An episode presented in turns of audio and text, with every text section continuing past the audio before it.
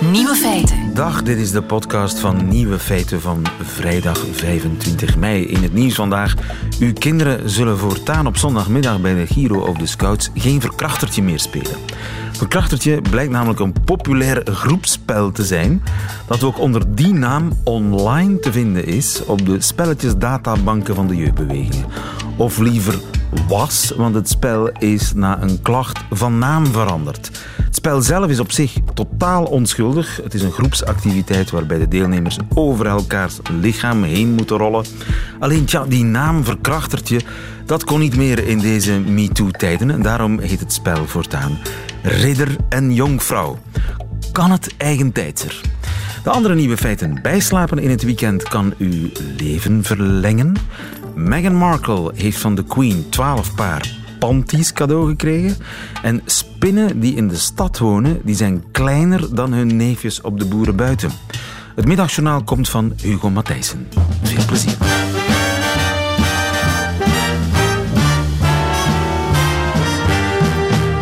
Nieuwe feiten. Ik weet het, u slaapt graag uit in het weekend en ik heb goed nieuws voor u. Want dat kan uw leven verlengen. Johan Verbraken, goedemiddag. Goedemiddag. U bent slaapspecialist van de Universiteit van Antwerpen. In Zweden hebben ze 38.000 mensen gevolgd gedurende bijna 20 jaar om te kijken of er een verband is tussen weinig slapen en jong sterven. En blijkt dat wie systematisch te weinig slaapt, vijf uur per nacht bijvoorbeeld, dat die zijn kansen op een vroegtijdige dood met 65% vergroot. Verbaast u dat? Dat verbaast me helemaal niet. We weten dat al, al meer dan tien jaar. Dat slaaptekort uh, wordt uh, gezien als een risicofactor voor vroegtijdig overlijden. Voor het krijgen van allerlei uh, aandoeningen, zoals diabetes, hoge bloeddruk, obesitas. Dat zijn op zich ook al aandoeningen die uh, risico's met zich meebrengen. Ja. Dus dat is uh, gekende materie, maar het is nooit op uh, dergelijke grote schaal nagekeken. Maar wie tijdens het weekend zijn tijdens de week opgebouwde slaaptekort compenseert met langer uitslapen, die loopt veel minder risico. Ja, dat is ook uit te leggen. Dus als we het uh, opgebouwde slaaptekort deels kunnen inlossen, uh, dan kunnen we die risico's die ontstaan zijn toch uh, compenseren. Alleen mag het uitslapen ook weer niet te lang duren, want dat kan dan ook weer op zich problemen met zich meebrengen. Je kunt ook te veel slapen. Je kan ja, makkelijk tien uur slapen als dat moet. Um, nu, de meeste mensen die dat doen, die hebben, ofwel zijn dat echte langslapers natuurlijk, uh, ofwel hebben zij een onderliggende ziekte, zoals depressie, of hebben zij een, een aandoening met uh, uitgesproken vermoeidheid, zoals kanker, waardoor de kans om te overlijden ook vergroot is dan is dat ook wel op die manier uit te leggen natuurlijk. Ja, de kansen op een vroegtijdig overlijden, die vergrote kans, die, die kun je wegcompenseren door in het weekend bij te slapen. Maar je moet ook daarmee een beetje opletten, zegt u. Ja, dus het uh, uitslapen uh, is, is goed, maar um, wij adviseren ook vanuit internationale richtlijnen om het uitslapen te beperken tot uh, maximaal 1 à 2 uur um, in het weekend, niet langer omdat de werking van de biologische klok uh, sterk uh, verstoord wordt wanneer het te lang wordt uitgeslapen. Dus het uh, vroeger gaan slapen bijvoorbeeld, dat uh, het tijdstip van slapen gaan is uh, veel minder ehm, kritisch hè, voor die werking van de biologische klok. Ja, ja, dus op zaterdag in je nest liggen tot 12 uur s middags, dat is echt geen goed idee. Je kunt beter op vrijdag ietsje vroeger gaan slapen. Ja, inderdaad. Als we toch uh, slaaptekort hebben opgebouwd, dan is het eigenlijk verstandiger om vroeger te gaan slapen en om eventueel beperkt uit te slapen, maar er zeker niet mee te overdrijven. Maar uitslapen in het weekend is gezond. Dat kan uw uh, leven verlengen. Dankjewel, Johan Verbraken. Goedemiddag. Graag gedaan. Nieuwe feiten.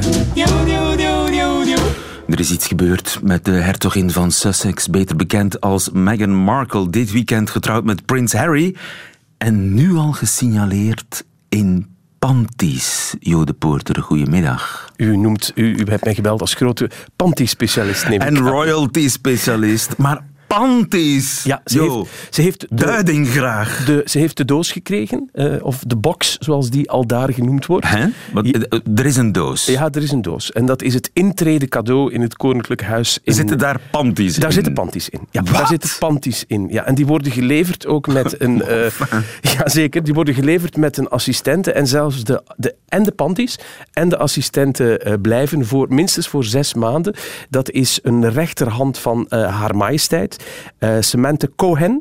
En die eh, is voor eh, Meghan gaan werken vorige week. Als stylist. als, als meer als, meer als personal assistant. En zij moet zich ehm, de volg, haar de volgende zes maand de weg wijzen. En die tijd wordt ook de luistertijd genoemd. Dat is de tijd waarin Meghan heel veel haar oren moet openzetten. Niet veel van haar tak moet maken, zoals het dan heet. En gewoon doen wat gezegd wordt. En symbolisch en praktisch zijn daar de nude... Want dat is de naam van de kleur, nude. En dat is huidskleur, eh panties bij. En die moeten de benen van Meghan Markle één eh, officialiseren en vooral deseksualiseren. Dus blote benen zijn voortaan verboden. Blote benen zijn eh, verboden en eh, Meghan Markle is vorige zaterdag van een Amerikaanse eh, vrouw, actrice, tot een instelling geworden. Namelijk wat jij haar daarnet genoemd hebt, de hertogin van Sussex, de vrouw van Henry of Wales, de echtgenote van de zesde in de rij voor de troon. En daar hoort een hoge mate van neutraliteit en vooral seksloosheid bij. Want zij is er voor hem om voor nageslacht te zorgen en niet voor het lust van het oog van de rest van de wereld. Ja. Maar in die doos, wat zit daar nog dan allemaal in? Mag ik dat vragen? Want Ehm, is dat, of is dat staatsgeheim, behalve Wel, het belangrijkste is niet... De, de doos is eigenlijk een beetje een grappig, omdat daar inderdaad alleen maar eh, kousen in zitten. Maar wat ik zei, het belangrijkste is, is wie met de doos komt en wat er allemaal bij hoort. Want de, de panties staan natuurlijk voor een bijna volledige ehm, eh, wijziging van kledingstijl van eh, Meghan Markle, die letterlijk in de UK is aangekomen in een wit t-shirt en gescheurde jeans. En afgelopen maandag, nee dinsdag was het, op de verjaardag van Prins Charles, die 70 werd in Buckingham Palace, ten overstaan van 7000 mensen, eigenlijk een soort spitting image al was van Camilla, met een vergelijkbare jurk, een hoed eh, op, een brede hoed op, en die panties. En alles heeft een, eh, een betekenis. Eh, ze had een, een kleur aan in één jurk. Ze mag niet te ingewikkeld, niet te, te, te extravagant gekleed gaan, omdat ze de vrouw van de prins is. Maar vooral die hoed is ook symbolisch, omdat die ja, eigenlijk het vervangstuk is van de kroon die zij dan op dat moment eh, niet draagt. Maar dat mensen toch wel sterk de indruk hebben dat zij de vrouw is van een, eh, van een echte prins van het Verenigd Koninkrijk. Een lange broek, mag dat nog? Dat mag nog, eh, maar het moet vooral in functie staan van waar ze is en wat haar opdracht daar is. En in die doos zitten ook symbolisch de instructies van de majesteit, die toch ook voor Kate, ehm, de hertogin van Cambridge, zo'n lijstje gemaakt heeft van als je op een staatsfunctie bent of je bent op een staatsbezoek, moet je zorgen dat je gepast gekleed bent wat bij prinsessen hoort, maar ook wat past in de lokale stijl, dus dat je niemand in het land beledigt. En vooral ook dat je de plaatselijke staatshoofd, of dat nu een man of een vrouw is, eh, niet in de schaduw zet. Dus dat Ja. je je discreet opstelt en uniek unicolor, dus dat betekent een- pak in één kleur, is daar vaak bij. En als ik nog even mag, dat heeft ook een heel praktisch probleem, omdat zowel de koningin als de prinsessen heel graag op zo'n gelegenheden onmiddellijk herkenbaar zijn. En het feit dat koningin Elisabeth er heel vaak als een fluoriserende stift uitziet, heeft te maken met dat als ze ergens uitstapt, het is een klein vrouwtje, dat iedereen meteen weet van That's Her Majesty. That's Her Majesty. En ze mag er niet eh, spannend sexy uitzien, maar ze mag wel opvallen. Nu, bij de majesteit die 92 gehaald heeft, is dat niet echt een... Er zijn liefhebbers. Een, er zijn Dat- liefhebbers, een praktisch probleem meer. Maar met de doos komen ook Er heel is veel, literatuur over. komen ook heel veel eh, regels en, en gewoontes die Meghan natuurlijk niet kent en die verder gaan dan een paar panties. Hoe je je gedraagt eh, in, de koningin, bij, in, de, in de buurt van de koningin bijvoorbeeld. Dat je moet buigen, dat je niet mag eten voor zij eet. Dat je niet naar bed mag gaan voor zij naar bed gaat. Dus er zit ook een lijst bij met een heleboel do's en don'ts die, uh, ik vermoed, Megan nu uit het hoofd aan het leren is. Want er gebeuren nog altijd uh, grote, ja, zal ik zeggen, eh, schandalen of incidenten met het verkeerde gedrag aan het hof. Onlangs was Lewis Hamilton, de, de, de Formule 1-coureur, wereldkampioen te gast op Buckingham Palace. En die was naast de koningin gezeten aan tafel. En bij het voorgerecht begint hij uh, charmante gesprekje met haar. En zij zegt tegen hem, uh, meneer Hamilton, uh, het gaat al eeuwen als volgt in mijn kringen. Tijdens um, het voorgerecht praat ik een half uur met de persoon die aan mijn rechterkant zit. Oh en na het voorgerecht praat ik met u die aan mijn linkerkant zit. Ik stel voor dat u hetzelfde doet. We doen het al eeuwen zo. En dat is dan nog maar een onschuldige autocoureur die op bezoek is bij haar. Dat is niet eens de, de, de vrouw van haar kleinzoon. Dus ik kan je zeggen dat die regels uh, heel strikt zijn en dat die panty daar toch daar maar het symbool van is. Maar goed, dat linkerkant, rechterkant, dat is folklore, zeg maar. Ja. Maar dit gaat toch ook een beetje over ja, gelijke rechten tussen man en vrouw. En je zou toch verwachten van een, een hippe Amerikaanse vrijgevochten vrouw dat ze zich niet laat knechten door... Ja, jaren 50-achtige vrouw onvriendelijke vestimentaire voorschriften als daar zijn panties dragen en geen lange broek bij bepaalde gelegenheden? Dit is een geweldig barokke vraag waar ik ook in dezelfde stijl ga op antwoorden, maar veel korter. Dit is geen, nee, dit is geen vrijgevochten vrouw. Uh, nee, dit is geen vrijgevochten vrouw. Als je een vrijgevochten vrouw bent, dan laat je je niet... Afgelopen zaterdag was het einde van het privéleven van Meghan Markle. Als je een vrijgevrochten vrouw bent, dan trap je niet, stap je niet in die rol van iemand die het belangrijkste wat Meghan Markle de volgende jaren zal kunnen zeggen, zal via haar kledij zijn. Ja, maar kan ze daar niet een klein beetje in forceren? Ze kan daar zeker in forceren. En als je kijkt naar haar legendarische schoonmoeder, eh, de overleden eh, Diana of Wales, dan weet je dat je daarin kan forceren door waar je bent, wat je doet, eh, hoe je je gedraagt, maar gewoon niet zoals je zegt. En ik ben het niet met je eens dat dat iets typisch is voor de vrouw. Dat is iets typisch voor die kringen. William en Harry, om er maar twee te noemen, trekken ook niet aan wat zij willen. Op bepaalde gelegenheden worden ze in een kostuum van het leger geduwd en in alle andere gelegenheden, als die officieel zijn, hebben ze de keuze tussen een donkerblauw of een donkergrijs pak. Dus ik denk het dat hoort bij het sprookje, het bij hoort bij het toneelstukje. Het, hoort bij het toneelstuk. Ja, ik vind ook het sprookje uh, zeer ernstig overdreven en van verkeerde romantiek gekruid. Want het is helemaal geen sprookje als je ziet wat daar de afgelopen dagen aan, aan kleine gezinsdrama's en uh, groot verdriet gebeurd is. Dan zal ik, dat, uh, zal ik de laatste zijn om een sprookje te noemen. Het ziet er natuurlijk wel sprookjesachtig uit. Een kapel, prachtige trouwjurk, wonderbaarlijke bloemenarrangementen. Maar wat er achter die deuren afspeelt, dat is, dat is geen cadeau. En het enige wat op dit moment wel een cadeau is, is hoop ik de liefde tussen die twee mensen en een, een, set, een gratis set van 12 penties. Dankjewel, Jo de Poorter. Goedemiddag.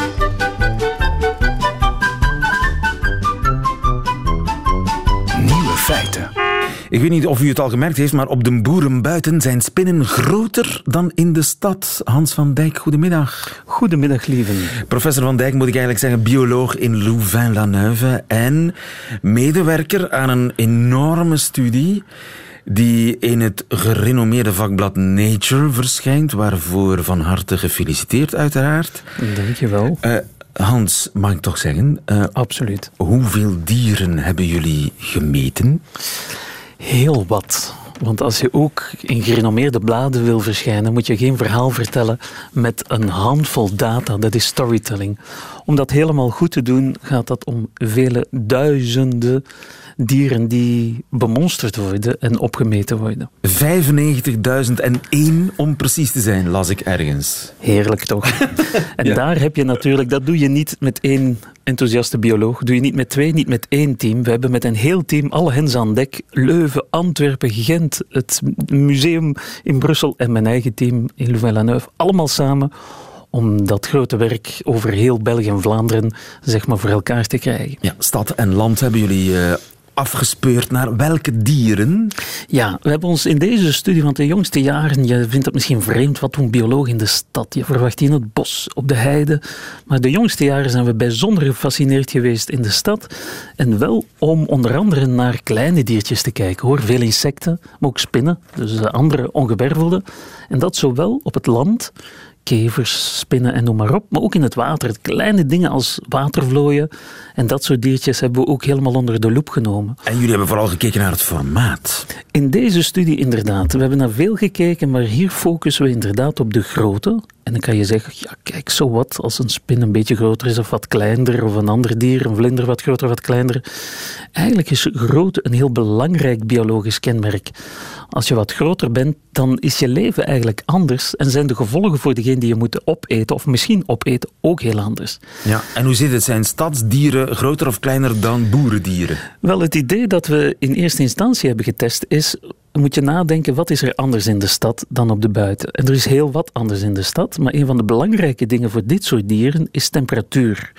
Wat al langer bekend was, is het zogenaamde stedelijk hitte-eilandeffect. De stad is warmer dan een beetje buiten de stad, met al die gebouwen, het beton, de motoren. Ja, dat kan gerust een paar graden schelen, hè? Precies. En we hebben zelfs hier in deze studie met de collega's van KUL hebben zelfs gezien dat het ook in, in vijvers heel uitgesproken is. Dus hetzelfde vijvertje in het midden van de stad of in het buitengebied. En wat doet dat met een insect?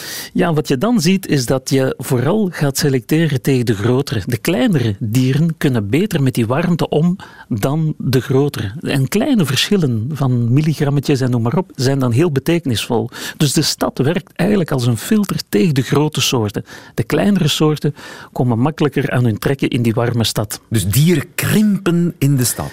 Op, dat is op basis van de gemeenschappen. Dus kleine soorten hebben betere kansen. Dus als je kijkt naar gemiddelde van al die soorten, dan krimpen die tenzij, en dat is altijd de heerlijke biologische ingewikkeldheid, tenzij die grootte voor die diertjes van heel groot belang is voor hun mobiliteit, hoe mobiel ze zijn.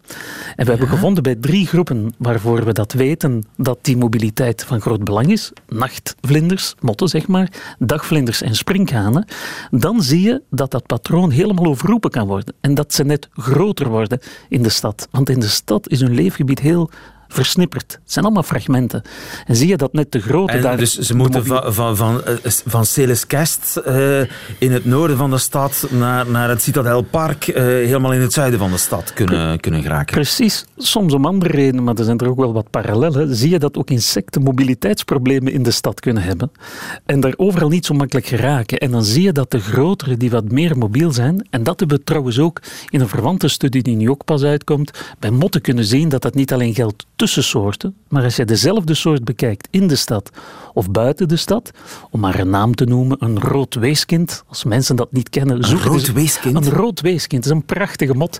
Die kan je ook wel in de stad vinden en daarbuiten. Daar zijn die in de stad groter. Dezelfde soort, de soortgenootjes, de collega's van in of buiten de stad verschillen. En dat kan aanzienlijk zijn hoor, die verschillen, zowel voor diegenen die kleiner worden als degenen die groter worden, kunnen we tot verschillen tot 20% zien. 20% zeg. En dus de, de, de vlinders en de sprinkhanen van Gent, die zijn groter dan die van Assenede? Ja, zo is dat. En, en bij spinnen is het precies andersom? Ja, en dat heeft nogal wat, uh, nogal wat gevolgen. Er zijn eigenlijk twee gevolgen. Eén, als je veel meer, bijvoorbeeld als je een vogel bent en je hebt graag uh, uh, een van die kleine insecten om te eten, maar die worden nog kleiner, dan heb je natuurlijk per hap veel minder binnen. Dus die zijn daar niet blij mee? Nee, maar je zou kunnen zeggen, oké, maar vogels komen pinter uit de hoek, nemen mees, die eten graag rupsen. Rupsen, dat zijn vlinders van nachtvlinders, die worden groter, dus beter. Wel, dan moet je ook nog een andere factor in, in ogenschouw nemen, namelijk hoeveel zijn er? Want de grootte is één ding, maar hoeveel zijn er? En ik moet hier toch ook wel minder vrij nieuws melden, dat over die groepen heen we toch zien dat in de stad de aantallen, dus niet de grootte, maar de aantallen van die soorten ook toch wel heel sterk terugvalt. En vooral die motten zijn heel weinig te vinden. Dus die koolmezen in de stad, ja, die, die lijden soms honger, want ze vinden onvoldoende voer om hun jonge lui groot te krijgen. Dus de resultaten van jullie hele grote studie, ja, eh, dat resultaat is eigenlijk een beetje alarmerend. Ja, zeer. En daarom dat het natuurlijk ook wereldwijd veel aandacht nu krijgt in dit vakblad, omdat heel onze planeet is aan het verstedelijken. Ik bedoel niet elke vierkante meter, maar je ziet het fenomeen wel overal opduiken. Heel wat gebied wordt verder uitgebreid, bebouwd en verstedelijkt. En natuurlijk Vlaanderen of België in dat verband is natuurlijk een echt laboratorium ja, ja, qua die insecten passen zich wel een beetje aan, gaan krimpen en, en uitzetten. Maar die insecten zijn op zich natuurlijk belangrijk in de voedselketen en in, in het ecosysteem. En ja, dat past zich iets moeilijker aan. Ja, dat klopt. En aanpassen is natuurlijk dubbel, want het is, hier heb je een soort filtereffect, maar als een soort er niet komt, dat is dan niet aanpassen. Je hebt er die bijvoorbeeld als grootte wat verandert, dat kan een genetische aanpassing zijn, maar je kan ook een fenomeen hebben dat er geen genetische verandering is, maar dat de soorten er gewoon niet komen. Dat je een soort uitsortering hebt van wie waar nog aan zijn trekken kan komen. Ja, dus de stad heeft een grotere invloed dan we dachten. Ja, het is echt Darwin, voor een stuk Darwin in de city, maar ook heel wat ecologie in de city. Dus de stad, het is ons eigen leefgebied, maar er zijn heel wat gevolgen voor al die andere levensvormen die wat extremer worden, kleiner, groter. Darwin zou het geweldig gevonden hebben, maar eh, wij moeten nu wel ingrijpen of we hebben een probleem. Ja, ik denk dat dit soort werk in eerste instantie is dat fundamenteel onderzoek om te kijken hoe zit, dat, hoe, hoe zit die complexiteit in elkaar. Maar de stad van morgen moet over nagedacht worden en dan zien we dat dat uh, is, boeiend meer materiaal. Groen, meer plaats. Ja, maar niet alleen groen groen, het is heel belangrijk dat daar groen dat functioneel is voor die insecten. Heel wat inheemse planten waar ze iets mee kunnen aanvangen. Want als we alleen rekening houden met esthetica, hoe belangrijk dat de schoonheid is van parken, we moeten zien dat wat daar staat is eigenlijk voedsel, is een soort restaurant voor al die organismen. En als we alleen een soort McDonald's maken in onze uh, parken in de stad, dan zien we dat dat ook qua voedsel niet goed komt voor heel wat van die wilde organismen. Het zijn allemaal beestjes en ze hebben gepast voeding nodig. En insecten zijn belangrijk voor de leefbaarheid van een stad. Kijk eens aan. Ja, ja zeg, denk aan bestuiving, maar denk ook aan voedsel voor de anderen. En minder spinnen die kleiner zijn, wil zeggen dat er minder muggen worden gevangen. Dus dan komen er net meer muggen in de stad en dat wil je niet. Dus ook die spinnen die, we, die geen favorieten zijn, zouden meer aan hun trekken mogen komen in, in onze stad van morgen. Hans van Dijk, nogmaals gefeliciteerd voor je publicatie in Nature. Goedemiddag. Dank u zeer. Nieuwe feiten. De ontdekking van België. Onze held op vrijdag is Sander van Horen, die ons land ontdekt. Na een halve eeuw in uh, Beirut als verslaggever is hij een, een, half leven, een, uh, ongeveer. Uh, jij bent intussen correspondent België geworden voor de NOS en wij helpen jou daarbij. Maar Sander, normaal gezien op vrijdag kom jij op bezoek bij mij. Waar zit je? Nee, ik ben, ik ben ook correspondent Luxemburg, lieven. En daar ben ik op dit moment. En ik had gehoopt dat de verbindingen tussen Luxemburg en België iets beter waren. Maar cruciaal gezien zijn ze dat kennelijk niet. Ja, want zelfs met de telefoon gaat het uh, niet al te best. Dus je bent uh, Luxemburg aan het ontdekken vandaag. En wat heb je al ontdekt? Nou, dat uh, onze koning daar op bezoek is, dat is de concrete reden. Die is op bezoek bij de groothertog. Uh, ze komen trouwens met z'n tweeën volgende maand naar Brussel om daar met jullie koning te vieren dat de Benelux 60 jaar bestaat. En ja, dat vind ik dan wel uh, frappant dat uh, die, die, die samenwerking tussen landen heel goed gaat. Dat die ook binnen de Benelux heel goed gaat. Maar dat er ook tussen België en Luxemburg ja, eigenlijk in die samenwerking soms toch ook weer heel veel te wensen overlaat. En vreemd genoeg, een bezoek aan Luxemburg leert me dan toch ook weer heel veel over België. Eh, met name dan dat de samenwerking Luxemburg-België, Luxemburg-Wallonië, dat dat niet optimaal verloopt. Nee, en dat merk je al op het moment dat je uh, bijvoorbeeld uit Amsterdam met de trein naar Luxemburg wil. Dan zou je zeggen, rij naar Brussel en stap daar over, maar dan ben je een hele dag kwijt. Sneller is het om met de TGV naar Parijs te rijden en dan met de TGV naar Luxemburg. Dat klinkt een beetje mijl op zeven, maar... Het gaat sneller dat gaat sneller. En de mensen in Luxemburg die leggen me echt gefrustreerd uit dat dat komt omdat alle burgemeesters in België hebben bedongen, omdat ze via de cumul natuurlijk ook in het federale parlement zitten, hebben bedongen dat op hun gemeente, bij hun station, de trein ook stilhoudt. En dan wordt het de facto tussen Brussel en Luxemburg een boemeltreintje, zoals we dat in het Nederlands noemen. En dat is dus onwerkbaar. Maar je ziet dat ook de infrastructuur tussen die beide landen uh, te wensen overlaat. En als je dan bedenkt dat uh, heel veel mensen uit Aarle bijvoorbeeld elke dag op en neer pendelen naar Luxemburg omdat ze daar werken. Ja, dat is dan iets wat je zou verbeteren, zou je zeggen. Je zou het uh, zeggen de mensen in Luxemburg uh, heel gefrustreerd willen vormgeven als een soort uh, Vlaamse ruit of een soort randstad, een soort roergebied, een grootstedelijk gebied waar je eigenlijk geen rekening houdt met landsgrenzen, maar opmerkelijk genoeg en stellen zij tot hun frustratie vast zijn die er nog wel degelijk. Ja, ja, dus de Belgen werpen eigenlijk een barrière op tussen Nederland en Luxemburg als het ware. En het vermoeden is dan, en de mensen in Wallonië die zullen dat wellicht uh, met, met ze eens zijn. Het vermoeden in Luxemburg is dan dat het komt omdat de regio Aarle een, een arme regio is. En ja, daar stop je niet al te veel geld in. Zeker niet op het moment dat dat betekent dat de bedrijvigheid eigenlijk naar Luxemburg gaat. Uh, maar dat is eigenlijk hele korte termijn denken. Want als je vanuit Brussel uh, of Antwerpen naar Luxemburg rijdt, dan kom je langs een heel groot uh, Zweeds meubelketen, IKEA. En, en die hebben uh, gewoon in België hun winkel voor Luxemburg gebouwd. Een Nederlandse hotelketen. Die uh, noemt zichzelf Hotel Luxemburg, maar staat wel in België. Dus bedrijven, ja, die houden al geen rekening met die landsgrenzen. Maar die verwachten dan wel natuurlijk dat overheden uh, daar vervolgens in meegaan. En dat gebeurt in deze regio heel weinig. Ja, en dat zou eigenlijk goed zijn op lange termijn voor de Waalse economie, begrijp ik. Dat denk ik. En je ziet het bijvoorbeeld, en misschien komt het omdat het inderdaad een, arm gebied is, want tussen Vlaanderen en Nederland bijvoorbeeld, uh, zie, je, zie die uh, uitwisseling op alle mogelijke gebieden. Ik heb onlangs een reportage gemaakt over Nederlandse asielzoekers of asielzoekers uit Nederland die Nederlands moesten leren en die dat in Maasmechelen, België gingen doen. En dat soort uitwisselingen zie je tussen Vlaanderen en Nederland heel veel. En Luxemburg is volgens mij best wel gefrustreerd dat je dat uh, met hun uh, wat minder ziet. Ja, en dat is een, een mogelijk uh, win-win verhaal dat wij Belgen laten liggen. Wat ons bij de gevreesde, tenminste door jou gevreesde, door ons beminde vocabulariumtest brengt elke week ehm, de couponnetjestrein. Sander. Ja, dat is deze, waar ik het net over had. De couponnetjestrein. Ja, dat is te algemeen hoor. De couponnetjestrein. Nou, oké, okay, goed. Bedoel, kijk, dat is het fijne natuurlijk van, van nieuwkomen in een land dat je je echt moet verdiepen in een land. En uh, vroeger gingen ook Belgen naar Luxemburg uh, om daar hun zwarte geld uh, te parkeren. En volgens mij deden ze dat met couponnetjes. In elk geval, dat is die trein waar mensen, ja, misschien maak ik het dan te mooi, maar in elk geval met koffertjes vol met geld in zaten. ik ben onder de indruk, Sander. Ik reken hem helemaal goed. De couponnetjestrein was inderdaad de trein waarmee doorgaans bejaarde Vlamingen op maandag naar Luxemburg reisden om rente op hun zwart geld te cashen. Zwart geld werd belegd in effecten, kasmos en obligaties in, Lux in Luxemburg. En dat waren echt waardepapieren met afknipbare coupons. Coupons, Vandaar de, de. En die coupons die gaven recht op uh, interest. En die werd cash uitbetaald in Luxemburg. Ze deden dat uh, in Den Duik. Wat is dat, in Den Duik?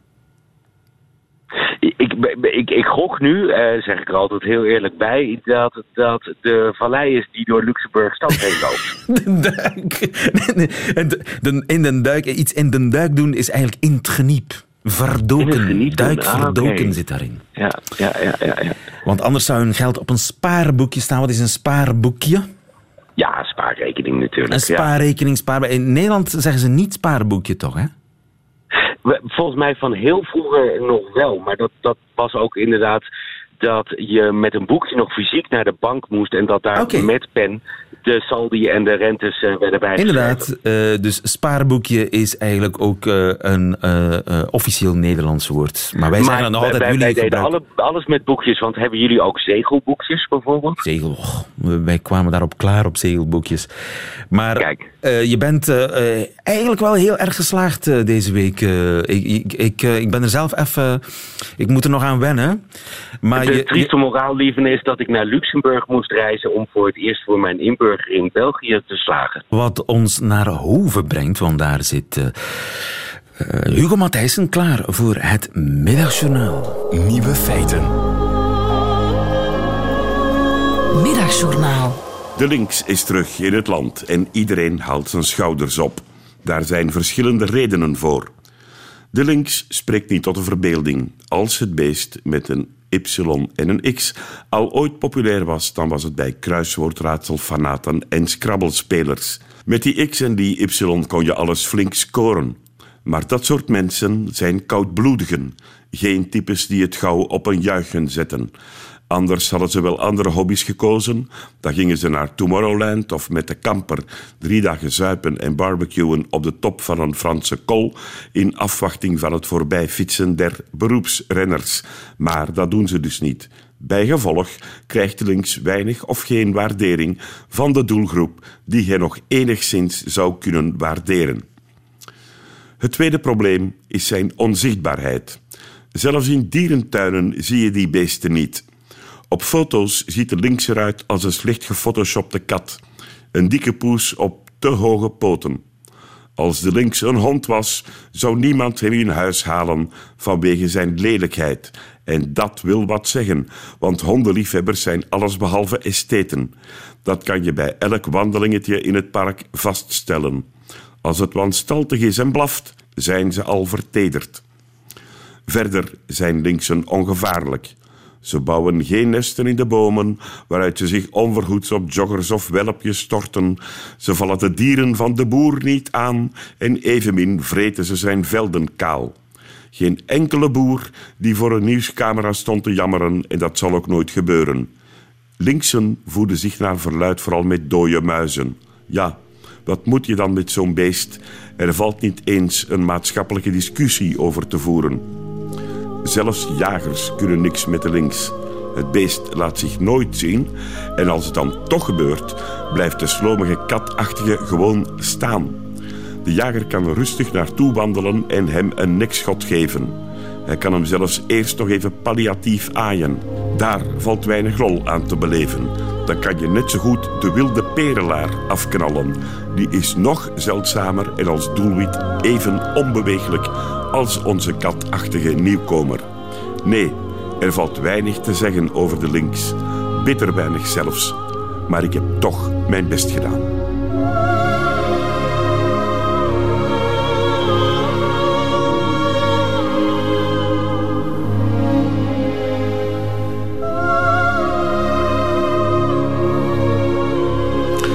Het middagjournaal van Hugo Matthijssen. Meteen het einde van deze podcast. U vindt er nog veel meer op radio1.be en op de gebruikelijke podcastkanalen. Tot de volgende keer.